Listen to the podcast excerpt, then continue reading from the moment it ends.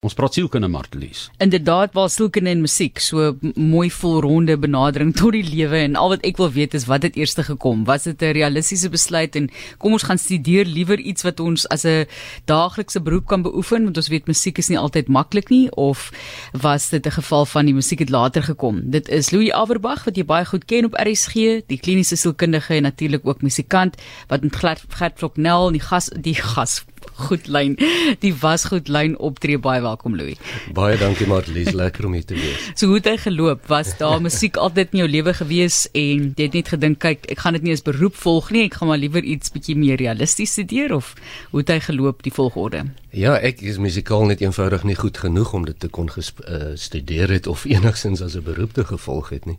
Maar musiek was maar altyd deel van my lewe. Ek het groot geword eintlik grootliks in die platteland en ek het groot geword met country musiek en folk musiek my hele lewe lank en die en die troubadours, die minnesangers, die crooners. En ek dink dis waar my liefde vir ehm um, vir die eenvoudige instrumente en die eenvoudige liriek en en, en eenvoudige uh uh akkoorde ontstaan het wat maar nog altyd daar was. Waar in die platteland? Jong, ek het eintlik grootliks in die Vrystaat groot geword. Maar het ook in verskeie plekke gewoon as kind. Jy weet, ek was in ek dink ek was in 5 of 7 skole. Ek was in KwaZulu-Natal bietjie in Johannesburg vir 'n bietjie in die Noord-Kaap, Kimberley, ek is daar gebore. En en daar in die Noord-Kaap area gewees en toe éventueel in die Vrystaat het ek grootliks groot geword. Hmm, wat 'n skool is jy die? Ek was op Senekal op Senekal op ja. skool. Ja. Ek was saam met ou Tox van der Linde op skool. Ja, Hy was net baie groter as ek. Ja, ja, ja. ja. En ehm um, Dok Rywen het ook mos van daai wêreld af gekom en langsam van Lindley af langsam. Hy het van Lindley af gekom, ja, ook 'n lieflike ja. klein dorpie. Ja, ehm um, Louis, vertel vir ons gou 'n bietjie van jou grootword jare. Jy sê is platteland, daar's baie musiek. Het jy baie geluister of was daar baie huiskonserte en goede of wat? Nee, ek het baie geluister, Johan. Ehm um, en, en ek het gelukkig en ek beskou myself as bevoorreg om nog bewussyn te kon gehad het voor TV ingekom het. So ek onthou baie goeie jare voor die beeldradio in ons in ons voorhuis ingekom het en ek het konstant groot geword met die radio en veral met die musiekprogramme.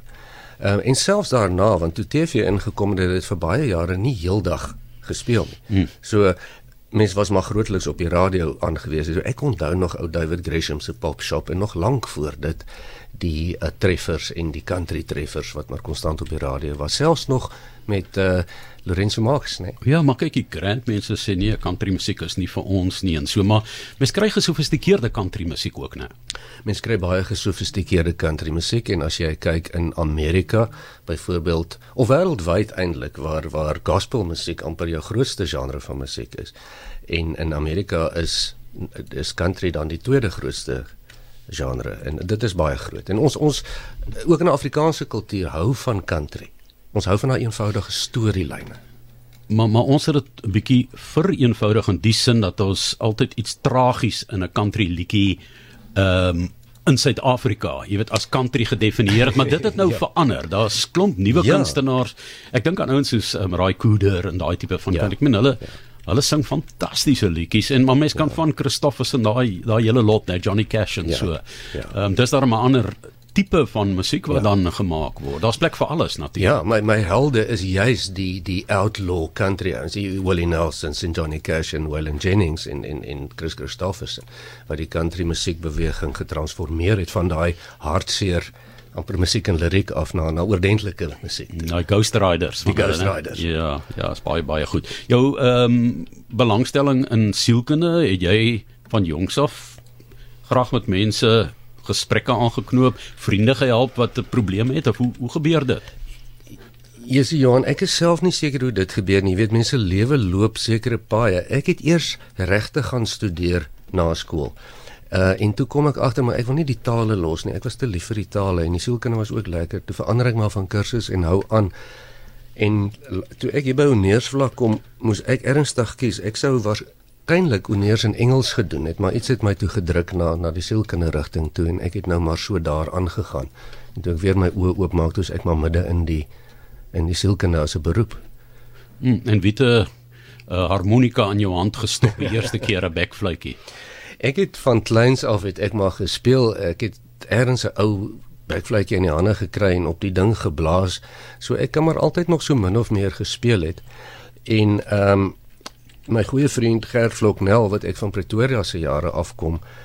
Ek het een aand sommer so saam met hom gesit terwyl hy voorberei het vir 'n konsert en bietjie saam gespeel en van en en toe het hy my genooi om saam met hom te speel. En dit is eintlik hy wat dan so as te ware in die openbare oog die ding in my hand gestop het. O, ja. toe toe lewer hy jou uit. Hy het my uitgelewer ja. en blootgestel. Hy speel self ook, né? Hy speel self ja. en hy's 'n baie kragtige speler. Ja, nou daai Bob Dylan tipe van klanke ook is ja. nou 'n bietjie meer na die folk kant toe as country wat ook self, ek bedoel daar's 'n hele paar kunstenaars wat dit so valiant is ook lief om mm. om dit te doen. Speel 'n stukkie en dan Ja. Daarna kom die lied en so? Dis 'n baie kenmerkende folk manier van speel. Jy speel so halfie wysie agter agter jou eie stem aan. Maar jy kry verskillende harmonikas met verskillende sleutels en toonaarde en so. Ja. Ja. Vertel ons van jou een wat jy sommer hier uh, geen net 'n blaas of twee wat ons kan hoor. Ek wil net hoor wat 'n sleutel is jy in. Ah, sal jy kan hoor. Nou goed, ek gaan in die regte sleutel blaas. Kan jy dit kan jy dit doen? Nee, jy ry definitief 'n BMW. Dis 'n BMW se sleutel. Dis baie naby. Hoe baie van musiek in terme van ek dis dan mense het nie regtig eintlik formele musiekopleiding nodig nie, of nie note te lees om musiek te kan weergee nie. So watter tipe van opleiding het jy weet jy vir jouself al oor die jare gegee met musiek? Ek het nie formele musiekopleiding, ek het 'n klein bietjie, uh maar nie niks noemenswaardig nie en my instrument van keuse wat, wat die harmonika of die eintlik maar die blues harmonika is of die backfluitjie uh het ek meestal myself leer speel, maar ek het die voorreg om goeie musikante wat baie beter is as ek te ken en wat ek kan raad vra. So ek kry nou maar tips by al die goeie ouens. Ja. En, en hulle het vir my baie gehelp, jy weet Rob Nagel en Greg Smith en en die ouens wat hier in die Weskaap is. Die Bluesbroers. Die Bluesbroers het my baie baie gehelp met met tegniek. Ja. ja. Louis die ehm um, gebruik van uh, die backfluitjie in musiek uh, word baie keer in gesofistikeerde liedere gebruik. Ehm ja. um, uh, jy weet ek onthou Vincent van Rooyen het gaan ja. internasionaal deelneem dan het hulle klassieke uh produkte gedoen daar of uitlewering of ja. wat ek wou sê ehm um, musiekstukke vertolk daarmee en baie goed gedoen daar was internasionale kompetisies en hy het derde gekom tweede gekom in die jaar toe hy wou wen toe hy nie geld gehad om te gaan nie soos baie van musikante se ja. stories maar is ja. maar uh die spektrum van gebruik is daai ons assosieer dit met iemand wat eensaam en alleen by 'n vuurtjie op die ja. plaas sit ja. maar as jy dink die hillbilly styl byvoorbeeld ja. dan kan dit lekker vrolik raak ook né Ja, jy weet die, die mondfluitjie of die harmonika as instrument is omtrent 2000 jaar oud en is deur die Chinese uitgevind. En op daardie tyd het mense nog met koper gewerk. Daar was nog koperwapens. So hulle het die, die tegniek uitgewerk om hierdie klein dun koperplaatjies te maak en die, dis eintlik die eerste metaal en liginstrument, die voorloper van die konsertina. Dis die konsertina se baie klein boetie. En basies is daar maar twee tipe harmonikas as jy dink daar is die ou grootes met die baie note en as jy praat van Vincent van Rooyen en die amper die meesters wat wat 'n hele vertoning op 'n instrument lewer is daar die groot harmonikas.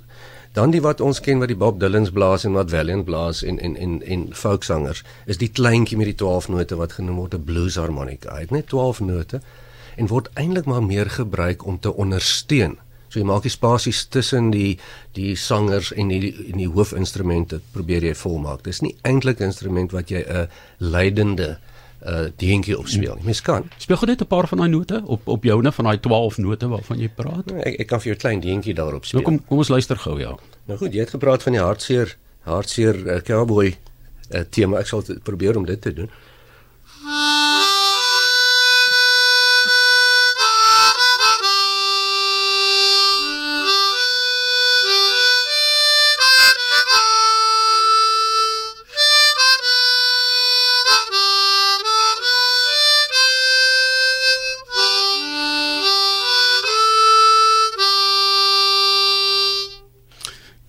dit is Red River Valley, né? Wat wat ja. Goed gesien. Ja, noot vir noot, waar's my 50 rand? 50 rand vir jou kom, kom. in jou in jou maxi spaar. Die gebruik dan van die uh harmonika werk met jy blaas in, maar jy kan ook in in asem, né? Uitblaas, ja. uitblaas en in in suig. Ja. ja. ja. Nou gee ge net daai twee verskillende klanke gou vir ons. So Ja, dis 'n goeie punt want eintlik blaas mens meer as wat jy sê. Ek het byvoorbeeld hier 'n harmonika wat in die in die sleutel van G is en as ek op die uh, onderste noot wat mens noem die die kernnoot blaas dan kry jy die klank G. Hier is die G klank.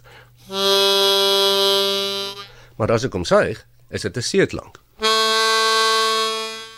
En bluesspelers en ek verkies om in daai styl te speel, speel dis omdat jy nou met tweede posisie. Dis nie dieselfde noot as wat die orkes inspeel nie. O, is amper soos harmonie. Ja, ja, ja soos ja. mense wat harmonie in 'n koor, né, verskillende stemme. Behalwe met Gert speel ek in dieselfde noot. Hoekom?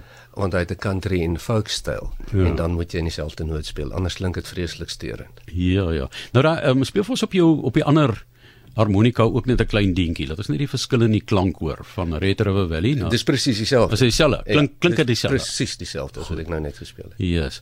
En ek het gehoor dat dit moeilik is om saam met byvoorbeeld 'n uh, simfonieorkes te speel omdat jy nie harmonika kan instem nie. Dis reeds ingestem.